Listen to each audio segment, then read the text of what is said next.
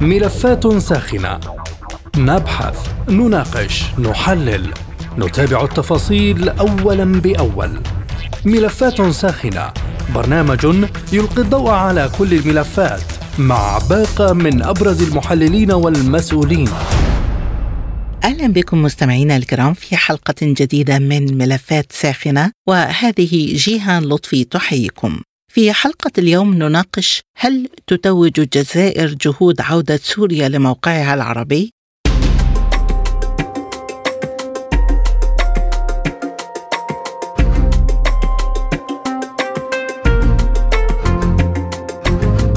في زيارة تعزز انفتاح دمشق على العالم العربي بعد عزلة لأكثر من عشر سنوات وصل إلى الجزائر السبت وزير الخارجية السوري فيصل المقداد للقاء نظيره الجزائري أحمد عطاف في خطوة تأتي ضمن نشاط دبلوماسي مكثف لعودة سوريا إلى موقعها العربي. تأتي زيارة اليوم بعد أيام من زيارة المقداد للسعودية للمرة الأولى منذ بداية النزاع في سوريا ولقائه مع وزير خارجية المملكة الأمير فيصل بن فرحان تزامنا مع زيارة وفد إيراني. وتم خلال الزيارة بحث الخطوات اللازمة لتحقيق تسوية سياسية شاملة للأزمة السورية تنهي تداعياتها وتحقق المصالحة الوطنية وتساهم في عودة سوريا إلى محيطها العربي واستئناف دورها الطبيعي في الوطن العربي. في سياق متصل اتفقت سوريا وتونس الأربعاء على إعادة فتح سفارتيهما بعد 11 عاما من قطع تونس العلاقات مع سوريا. في الأثناء أكد اجتماع تشاوري لوزراء خارجية دول مجلس التعاون الخليجي ومصر والأردن والعراق في السعودية يوم الجمعة على ضرورة القيام بدور عربي قيادي لحل الأزمة السورية والحفاظ على سيادة سوريا بإنهاء وجود الميليشيات المسلحة على أراضيها مؤكدين أن الحل السياسي هو الحل الوحيد للأزمة السورية. إذا ماذا يحمل فيصل المقداد في زيارته إلى الجزائر اليوم؟ وهل ستتحدى الدول العربية العقوبات الدولية على سوريا؟ وما هي حقيقة وجود تحالف قطري مغربي لمنع عودة سوريا إلى موقعها العربي؟ هل تتوج الجزائر جهود عودة سوريا إلى موقعها العربي؟ حول هذه النقاط تدور نقاشاتنا في حلقة اليوم من ملفات ساخنة.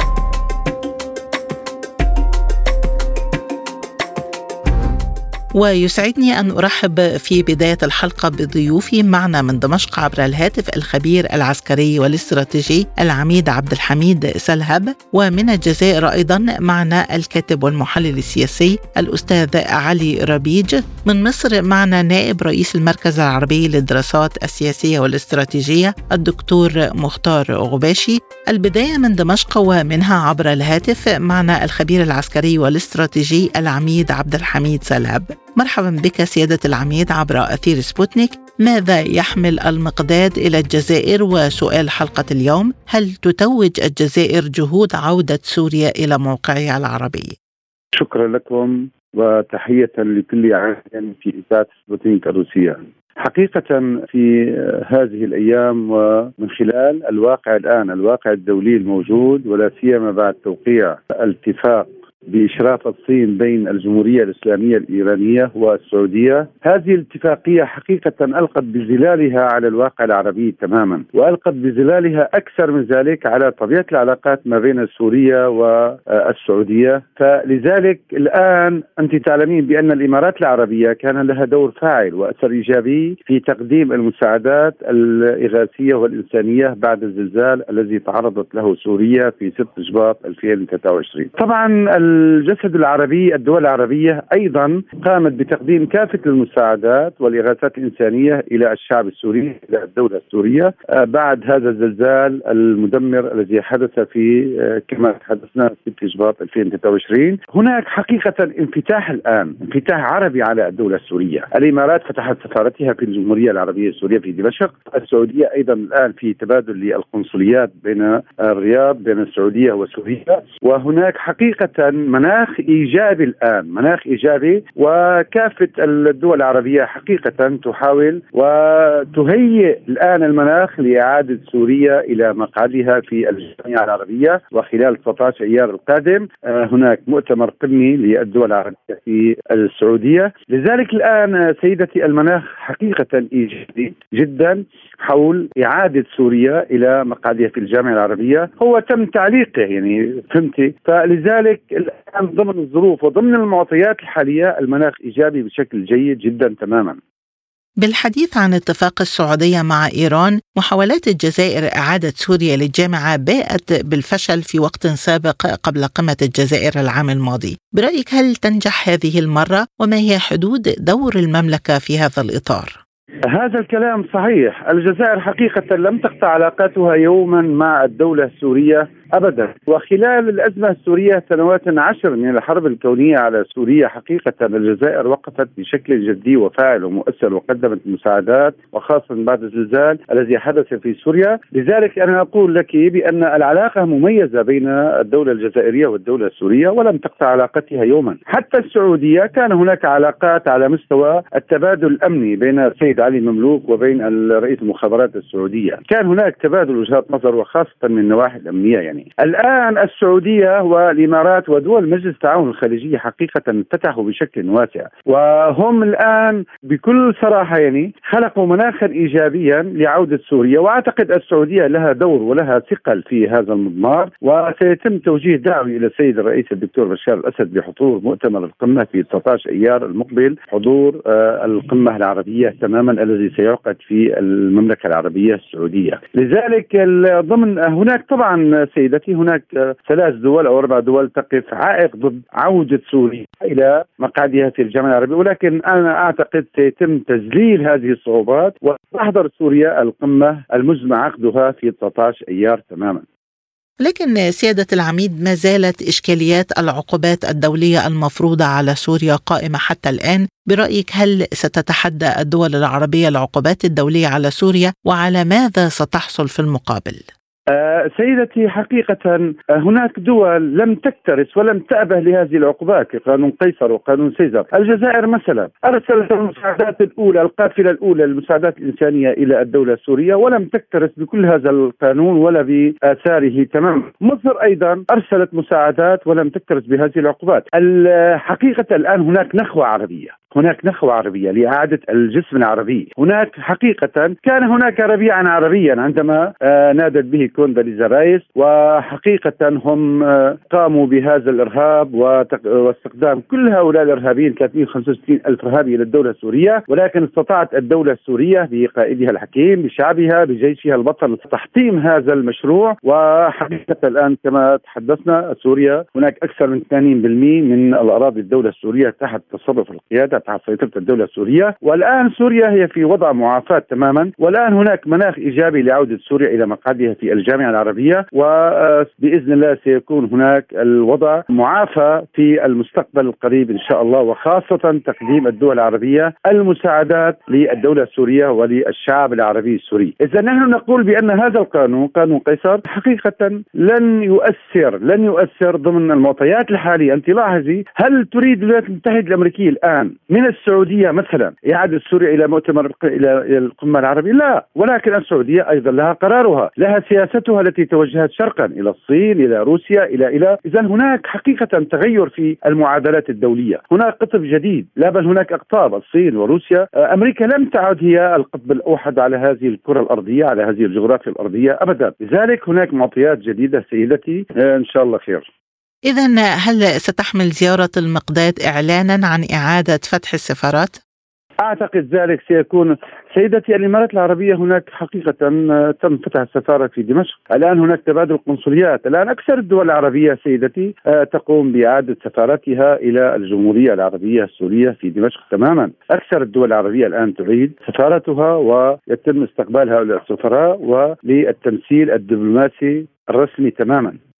أخيرا سيادة العميد الشركات وإعادة الإعمار كلمات السر في الزيارات هل يمثل هذا الجانب الأهم في عودة العلاقات بين سوريا والجزائر وهل قدمت سوريا وعودا للجزائر في هذا الخصوص؟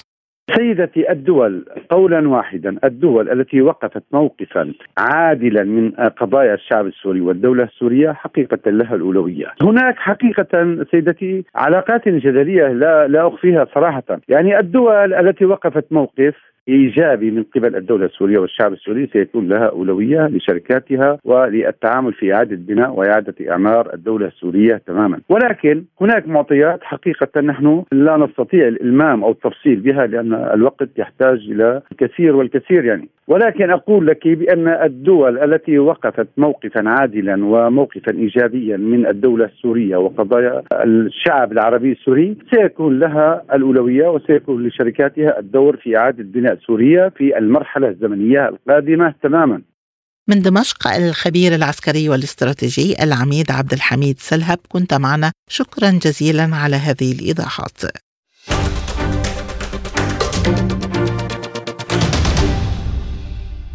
وحول جدول أعمال المقداد في الجزائر معنا من العاصمة الجزائرية الكاتب والمحلل السياسي الأستاذ علي ربيج مرحبا بك معنا أستاذ علي عبر أثير سبوتنيك ماذا على طاولة مباحثات وزيري خارجية الجزائر وسوريا اليوم؟ وسؤال حلقة اليوم هل تتوج الجزائر جهود عودة سوريا لموقعها العربي؟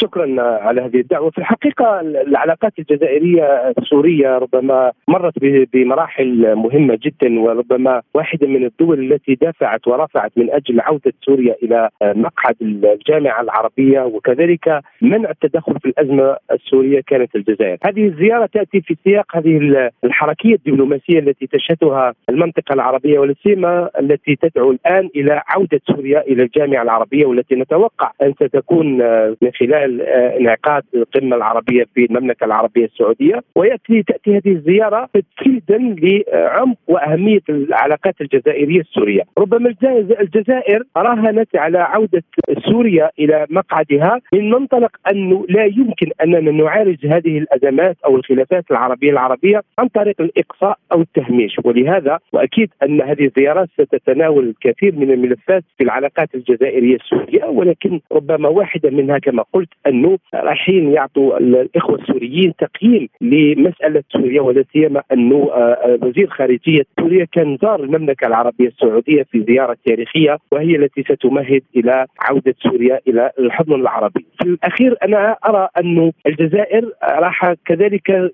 تفعل وانها تتجه نحو إقناع كل الأطراف العربية التي قد تكون مترددة إلى هذه اللحظة في عوده سوريا إلى الجامعة العربية ولهذا أكيد انه السيد وزير خارجية سوريا سيعرض تقريرا ربما أو وضع الفكرة التي هي أننا تعود سوريا رئيس تبون وكذلك إلى نظيره السيد أحمد عطاف وزير خارجية الجزائري. في الحديث عن هذه النقطة أستاذ علي ماذا تقول عما يثار عن تحالف قطري مغربي لمنع عودة سوريا إلى موقعها العربي؟ وهل يمكن تجاوز هذا الرفض خاصة في ظل توتر علاقات الجزائر والمغرب؟ هل ستتمكن الجزائر من فعل ذلك؟ كما تفضلت؟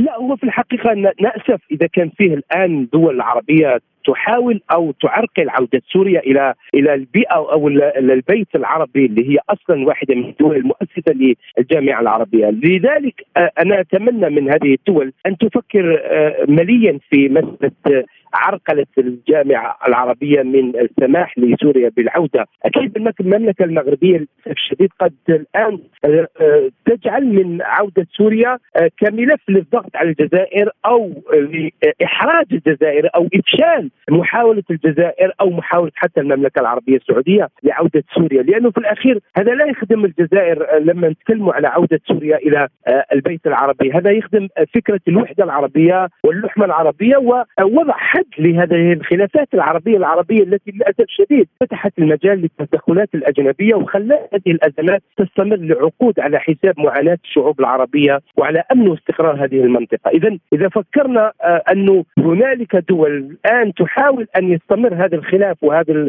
هذا الانقسام فهي تخدم أجندات خارجية أكثر مما تخدم أجندة ومصلحة هذه المنطقة العربية، الجزائر لن تدخر جهدا في هذا الاتجاه، ليس فقط بالنسبة للأزمة السورية سيدتي، الجزائر الآن تبذل جهود كبيرة في وقف الاقتتال ووقف الأزمة في ليبيا، الجزائر اليوم تم التنويه إلى المسائل التي تقوم فيها في مالي من قبل الأمم المتحدة والتي دعت إلى الدفع نحو تسبيق الإعلان الجزائر، إذا في الأخير الجزائر هي تنخرط في مسعى دبلوماسي جماعي عربي دولي لعوده سوريا إلى الجامعة العربية وعودتها حتى على مستوى المحافل الدولية لأنه في الأخير الدول التي ربما تسببت في كل هذه المآسي التي حدثت في المنطقة العربية هي الآن تحاول أنها ترجع سوريا ليس فقط في الجامعة العربية ولكن في محافل ومنابر دولية أخرى.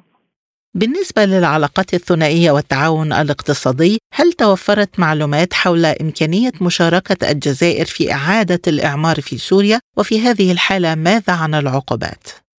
هو في الحقيقة دعيني اوضح فكرة، الجزائر تنطلق من مبدأ واحد وهو أنها تسعى إلى حل الأزمات بالطرق السياسية والابتعاد عن مسألة استعمال العنف والحروب، لكن للأسف الشديد ربما الدول التي ساهمت في إيقاع سوريا وإدخال سوريا في الفوضى اليوم تتسارع وتتنافس فيما بينها لأن تكون لها فرصة في إعادة إعمار سوريا، اذا لهذا الجزائر عمرها ما فكرت بأنها تستغل هذه الظروف المأساوية اللي تمر بها سوريا بأنها تنخرط في مسألة إعادة إعمار سوريا كمقابل لما قامت به الذي قامت به الجزائر كدولة شقيقة لسوريا كدولة عربية أنها قامت من واجب التضامن ومن واجب آه، مبدأ وحدة الدول العربية. لهذا أنا أستبعد أن تشترط الجزائر على الإخوة في سوريا بأن تكون هنالك للشركات الجزائرية نصيب في إعمار سوريا. إذا كان فيه استثمار جزائري في سوريا فهو من منطلق العلاقات الثنائيه الجزائرية السورية وانت تعرفي أنه في اتفاقيات ومعاهدات موقعة بين الجزائر وسوريا في العقود الماضية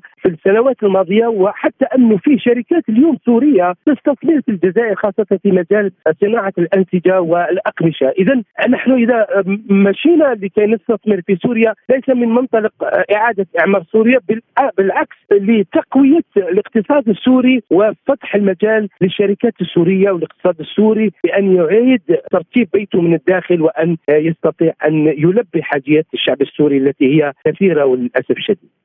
الجزائر تقود مؤخرا تحركات كثيرة لتوحيد الموقف العربي لكن هناك دائما تناقضات في المصالح بين الدول العربية مع التطورات على الساحة الدولية أستاذ علي برايك هل سينجح العرب في التكتل كقطب موحد في النظام العالمي الجديد والله إحنا هذه المقاربة كأكاديميين وكمراقبين وكملاحظين كنا ندفع نحوها منذ منذ عقود ولكن للأسف الشديد كانت في كل مرة الخلافات العربيه العربية والتدخلات الأجنبية هي التي ترسم معالم وأفق العلاقات العربيه العربية والبيت العربي. نحن للأسف الشديد في كل مرة نضيع فرص تاريخية للم شمل الدول العربية، على الأقل أننا نحيد وأننا نبتعد عن النقاط الخلافية ونستثمر النقاط التي تجمعنا. اليوم الدول العربية لها من الإمكانيات الاقتصادية ومن الطاقة التي يمكن أن توظفها في هذه العلاقات ونحن الآن نتحدث عن أنه فيه ملامح لإعادة ترتيب النظام الدولي خاصة بعد هذا العملية العسكرية التي تقوم بها روسيا في أوكرانيا. وهذا التحالف الدولي الجديد الذي الآن يظهر بين روسيا والصين ودول أخرى الآن تقف إلى هذا المقاربة وهي يجب أننا نقطع مع ممارسه الماضي وهذا الاحتكار والسيطرة الأمريكية والأوروبية على المشهد الدولي، اليوم آه، تصريحات ماكرو بعد زيارته للصين يبدو انه في خلاف أوروبي أوروبي في مسألة التغول أو السيطرة الأمريكية واستمرارها في الوضع الدولي. وللاسف الشديد أنها تعرض النظام الدولي والسلم والأمن الاستقرار إلى إلى الخطر في كل مرة، ولهذا اليوم نستغل فرصة نحن كجزائر ودول عربية أخرى كذلك تتجه نحو هذا الاتجاه بأنه لماذا لا نستغل فرصة لبناء منظومة عربية على الأقل سياسية ودبلوماسية في انتظار أن يتم بلورة رؤية اقتصادية موحدة. ونملك من كل من محددات القوة لأننا نبني اقتصاد عربي موحد ونبني حتى منظومة أمنية واستقرار عربي عربي لأننا نملك القوة ونملك الجيوش ونملك الإمكانيات والطاقة والمال. لكن للأسف الشديد كانت الإرادة السياسية غائبة. نتمنى انه هذا الذي يحدث الآن في العالم سيكون درس للقادة العرب بأن يبنوا استراتيجية اقتصادية وأمنية في المستقبل تخدم شعوب وهذه المنطقة. من الجزائر كنت معنا الأستاذ علي ربيج. شكرا جزيلا على هذه الإيضاحات.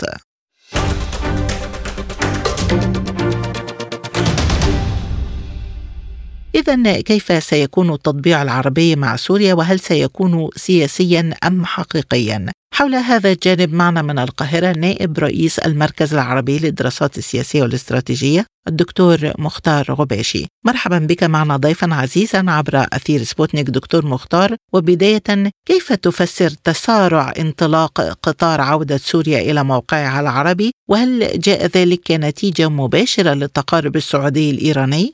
خليني أقول لك آه، قبل هذا الموضوع آه، مسألة عودة سوريا كانت مسألة مدروسة بعناية قبل مؤتمر القمة العربي اللي عقد في الجزائر السنة اللي فاتت ولقاء العمامره وزير الخارجية الجزائري في ذات التوقيت مع وزير الخارجية السوري فيصل المقداد رعي تأجيل هذا الأمر إلى مؤتمر القمة مفترض أن يعقد الشهر القادم في المملكة العربية السعودية في الرياض. نتيجة تحفظات واعتراض بعض الدول العربية اللي ما زالت متحفظة حتى هذا التاريخ. ثم ما بعد القمة حصل ما يسمى بدبلوماسية الزلزال. آه الزلزال الذي ضرب سوريا وضرب تركيا فصارعت كثير جدا من الدول المختلفة أو المتناحرة. آه اليونان تركيا أرمينيا تركيا بعض الدول العربية آه وسوريا وتركيا تعجلت من وتيرة مسألة دراسة عودة العلاقات. ثم بعد ذلك حصل حديث وزير الخارجية السعودي في مؤتمر ميونخ في ألمانيا اللي أشار فيه بأنه يعني لا جدوى من مقاطعة سوريا وعلى مدار 12 سنة لم يتم ولم يحصل جديد داخل الساحة السورية. وبناء عليه كان هناك يعني رؤية من بعض الدول العربية ومعظمها خليجية بضرورة عودة سوريا إلى مقعدها آه، الدائم في جامعة الدول العربية. حصل زيارات متبادلة لوزير الخارجية المصري ووزير الخارجية السوري إلى مصر فيصل المقداد. ثم إحنا بنتابع وبنشوف زيارة وزير الخارجية السوري إلى الجزائر لأن الجزائر كانت من أول الدول العربية المتحمسة إلى مسألة عودة سوريا. لكن أنا متصور أنه ما زال في الأفق يعني أطروحات واجب على النظام في سوريا أن يرد عليها سريعا مرتبطة بالتحالفات الاستراتيجية بين سوريا وما بين إيران. واحد الحماية الروسية لسوريا. اثنين مسألة عودة اللاجئين أو النازحين والإفراج عن المعتقلين. طريقة إدارة المرحلة الانتقالية وإنهاء مرحله التطحن السياسي الموجود داخل الساحة السورية. وغيره من مثل هذه الأمور اللي متصور إن هو محط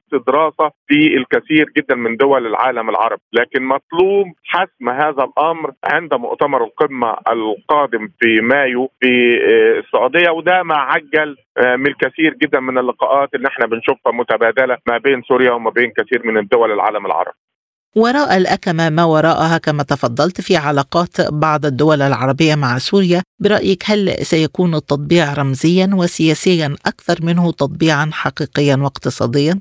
أتصور ده إنه هيكون معظم حالات التطبيع رمزيا آه، وسياسيا أكثر منه حقيقيا لأنه بعيدا عن الملفات آه، اللي بتشكل مشكلة في مسألة عودة سوريا وهي مرتبطة آه، كما وضحنا بالحماية الروسية أو بالتحالف الاستراتيجي مع إيران أو بوجود الميليشيات الإيرانية على الأرض وغيره من مثل هذه الأمور لكن يظل قانون قيصر والعقوبات الأمريكية مانع أو حائل ومطلوب دراسة هذا الأمر متصور من العالم العربي مع الولايات المتحدة الأمريكية قبل حسم مسألة عودة سوريا بشكل نهائي آه، إلى جامعة الدول العربية. فأنا متصور إنه إذا أخذ قرار بهذا الأمر آه، سوف يكون قرارا يعني ليس كاملا لحين الردود السورية على هذه الهواجس العربية للخصوص المتحفظه أو الدول الرافضة.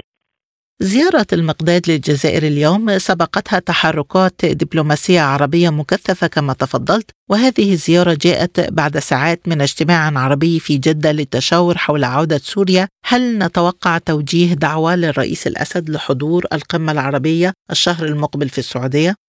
أنا متصور قد يكون ده لأن ما طرح إنه مسألة توجيه الدعوة إلى الأسد أنا متصور إن مسألة محسومة في بعض في كثير من دول العالم العربي وعلى رأسها السعودية اللي اللي من وجهة نظري آه، ما زالت لها تحفظات على مسألة هذه العودة فيما طرح من أسئلة على النظام في سوريا لكن السؤال الصعب الدول الرافضة آه، لهذا الأمر وما زالت رافضة حتى هذا التاريخ ماذا سوف يكون رد فعلها إذا وما وجهت دعوه إلى الرئيس السوري بشار الأسد؟ ده السؤال الحقيقة اللي بيطرح نفسه. ولكن دكتور قرار تجميد عضوية سوريا كان يخالف ميثاق جامعة الدول العربية وأداؤها في أزمة ليبيا كان مخيبا للأمال وهذه المنظمة فقدت على مدار سنوات فعاليتها في ظل الخلل الهيكلي في ميثاق الجامعة. برأيك دكتور ما جدوى الحديث إذا عن هذه المنظمة ومفهوم الوحدة العربية بشكله القديم؟ شوفي آه، جامعة الدول العربية كلنا عارفين إنها خلقت 1945 من سبع دول عربية غير مستقلة في ذلك التوقيت ووضع ميثاق وما أدخل عليه من تعديلات. على هذا الميثاق كانت تعديلات آه، يعني غير كافية وتعديلات لا تغني ولا تسمن من جوع في إطار العمل العربي المشترك أو طموح العالم العربي المشترك، أنا متصور إنه جامعة الدول العربية في أمس الحاجة إلى إصلاحها وعلى رأس هذا الإصلاح ضروره تعديل أو إلغاء أو وضع ميثاق جديد لجامعة الدول العربية. يرتقي إلى إن هناك هذه الجامعة الآن تضم في طياتها أكثر من 22 دولة في العالم العربي وفي ظل هذه الحلقة من التكالبات القوى الإقليمية والقوى الدولية على مقدراتها وفي ظل إعادة تكوين عالم ما بعد الحرب أو الصراع داخل الساحة الأوكرانية. بالتأكيد مطلوب يعني دراسة تعديل إن لم يكن إلغاء وإعادة صياغه ميثاق جامعة الدول العربية من جديد إن أردنا لهذه المنطقة أن تحيا لأن من وجهة نظري ووجهة نظر كثير جدا من المراقبين إن هذا الميثاق لا يصلح بالمطلق لإدارة العمل العربي المشترك ولا يحقق طموحات الشعوب والعالم العربي في ظل ما نراه الآن على النطاق الدولي والنطاق الاقليمي. إذا برأيك دكتور مختار كيف سيكون موقع العرب في النظام العالمي الجديد مع وجود تنافس كامن على النفوذ بين دول عربية مهمة؟ يعني خلينا أقول لك هو ده السؤال الصعب اللي بيطرح نفسه ما هو موقع العرب في ظل عالم ما بعد الصراع داخل الساحة الأوكرانية وفي ظل حلقة تكالبات أو تكتلات من القوى الإقليمية والقوى الدولية ما بين الشرق والغرب. شفنا آليات هذا الصراع آه، وشفنا زيارة ماكرون إلى الصين وبعض رجوعه يتحدث عن استقلالية القرار الأوروبي بعيدا عن الولايات المتحدة الأمريكية. لكن أنا من وجهة نظري العالم العربي بالذات في حاجة إلى دراسة وضعه ومتصور إن هو حتى هذا التاريخ لم يدرك أنهم أمة في خطر وأنهم الأمة الأضعف وإنه حلقة علاقة بعض الدول العربية بقوة إقليمية وقوة دولية على حساب مقدرات العالم العربي أو أمنه القومي دي مساله غير مرغوبة الآن ومطلوب دراسة حال العالم العربي خصوصا من القوى الكبيرة في العالم العربي اللي عليها مسؤولية كبيرة وجسام إن أرادت أن تحمل في طياتها جماع شتات العالم العربي من كثير جدا من الأمور. أخيرا دكتور تعارض المصالح بين الجزائر وسوريا كامن إلى حين تعافي سوريا خاصة في قطاع الطاقة هل هذا التقارب الجزائري السوري الآن مرحلة تكتيكية وهل يدرك الطرفان أن التعارض الاقتصادي قادم؟ يعني آه، أنا متصور صعب قوي تقول إن في تعارض بالمطلق لأنه الجزائر كان من أكبر المتحمسين زي ما وضحنا لمسألة عودة سوريا قبل القمة العربية اللي عقدت في في الجزائر وإحنا عارفين خصوصية علاقة الجزائر بالطرف الروسي تحديدا. هم أكثر الدول العربية علاقة بالروس وتقريبا ال ال ال العلاقة العسكرية بين الجزائر والروس علاقة مطلقة تتعدى 90% من احتياجات الجزائر. كذلك معلوم علاقة سوريا بالروس وأنا أنا متصور إن الروس قاسم مشترك مهم جدا ما بين الجزائر وما بين السوريين عند تذليل آه، يعني أي خلافات آه، أو أي هواجس موجودة ما بين الدولتين. متصور إن الجزائر ما زالت من أكثر الدول العربية تحمسا لعودة سوريا لكن الأمر لن يصل إلى مسألة خلافات كثيرة بين الجزائر وما بين سوريا خلال المرحلة القادمة. بحديثي إلى نائب رئيس المركز العربي للدراسات السياسية والاستراتيجية الدكتور مختار غباشي نكون قد وصلنا إلى ختام حلقة اليوم من ملفات ساخنة. وللمزيد زوروا موقعنا على الإنترنت إي مستمعينا بهذا نصل وإياكم إلى نهاية هذه الحلقة من برنامج ملفات ساخنة. طابت أوقاتكم وإلى اللقاء.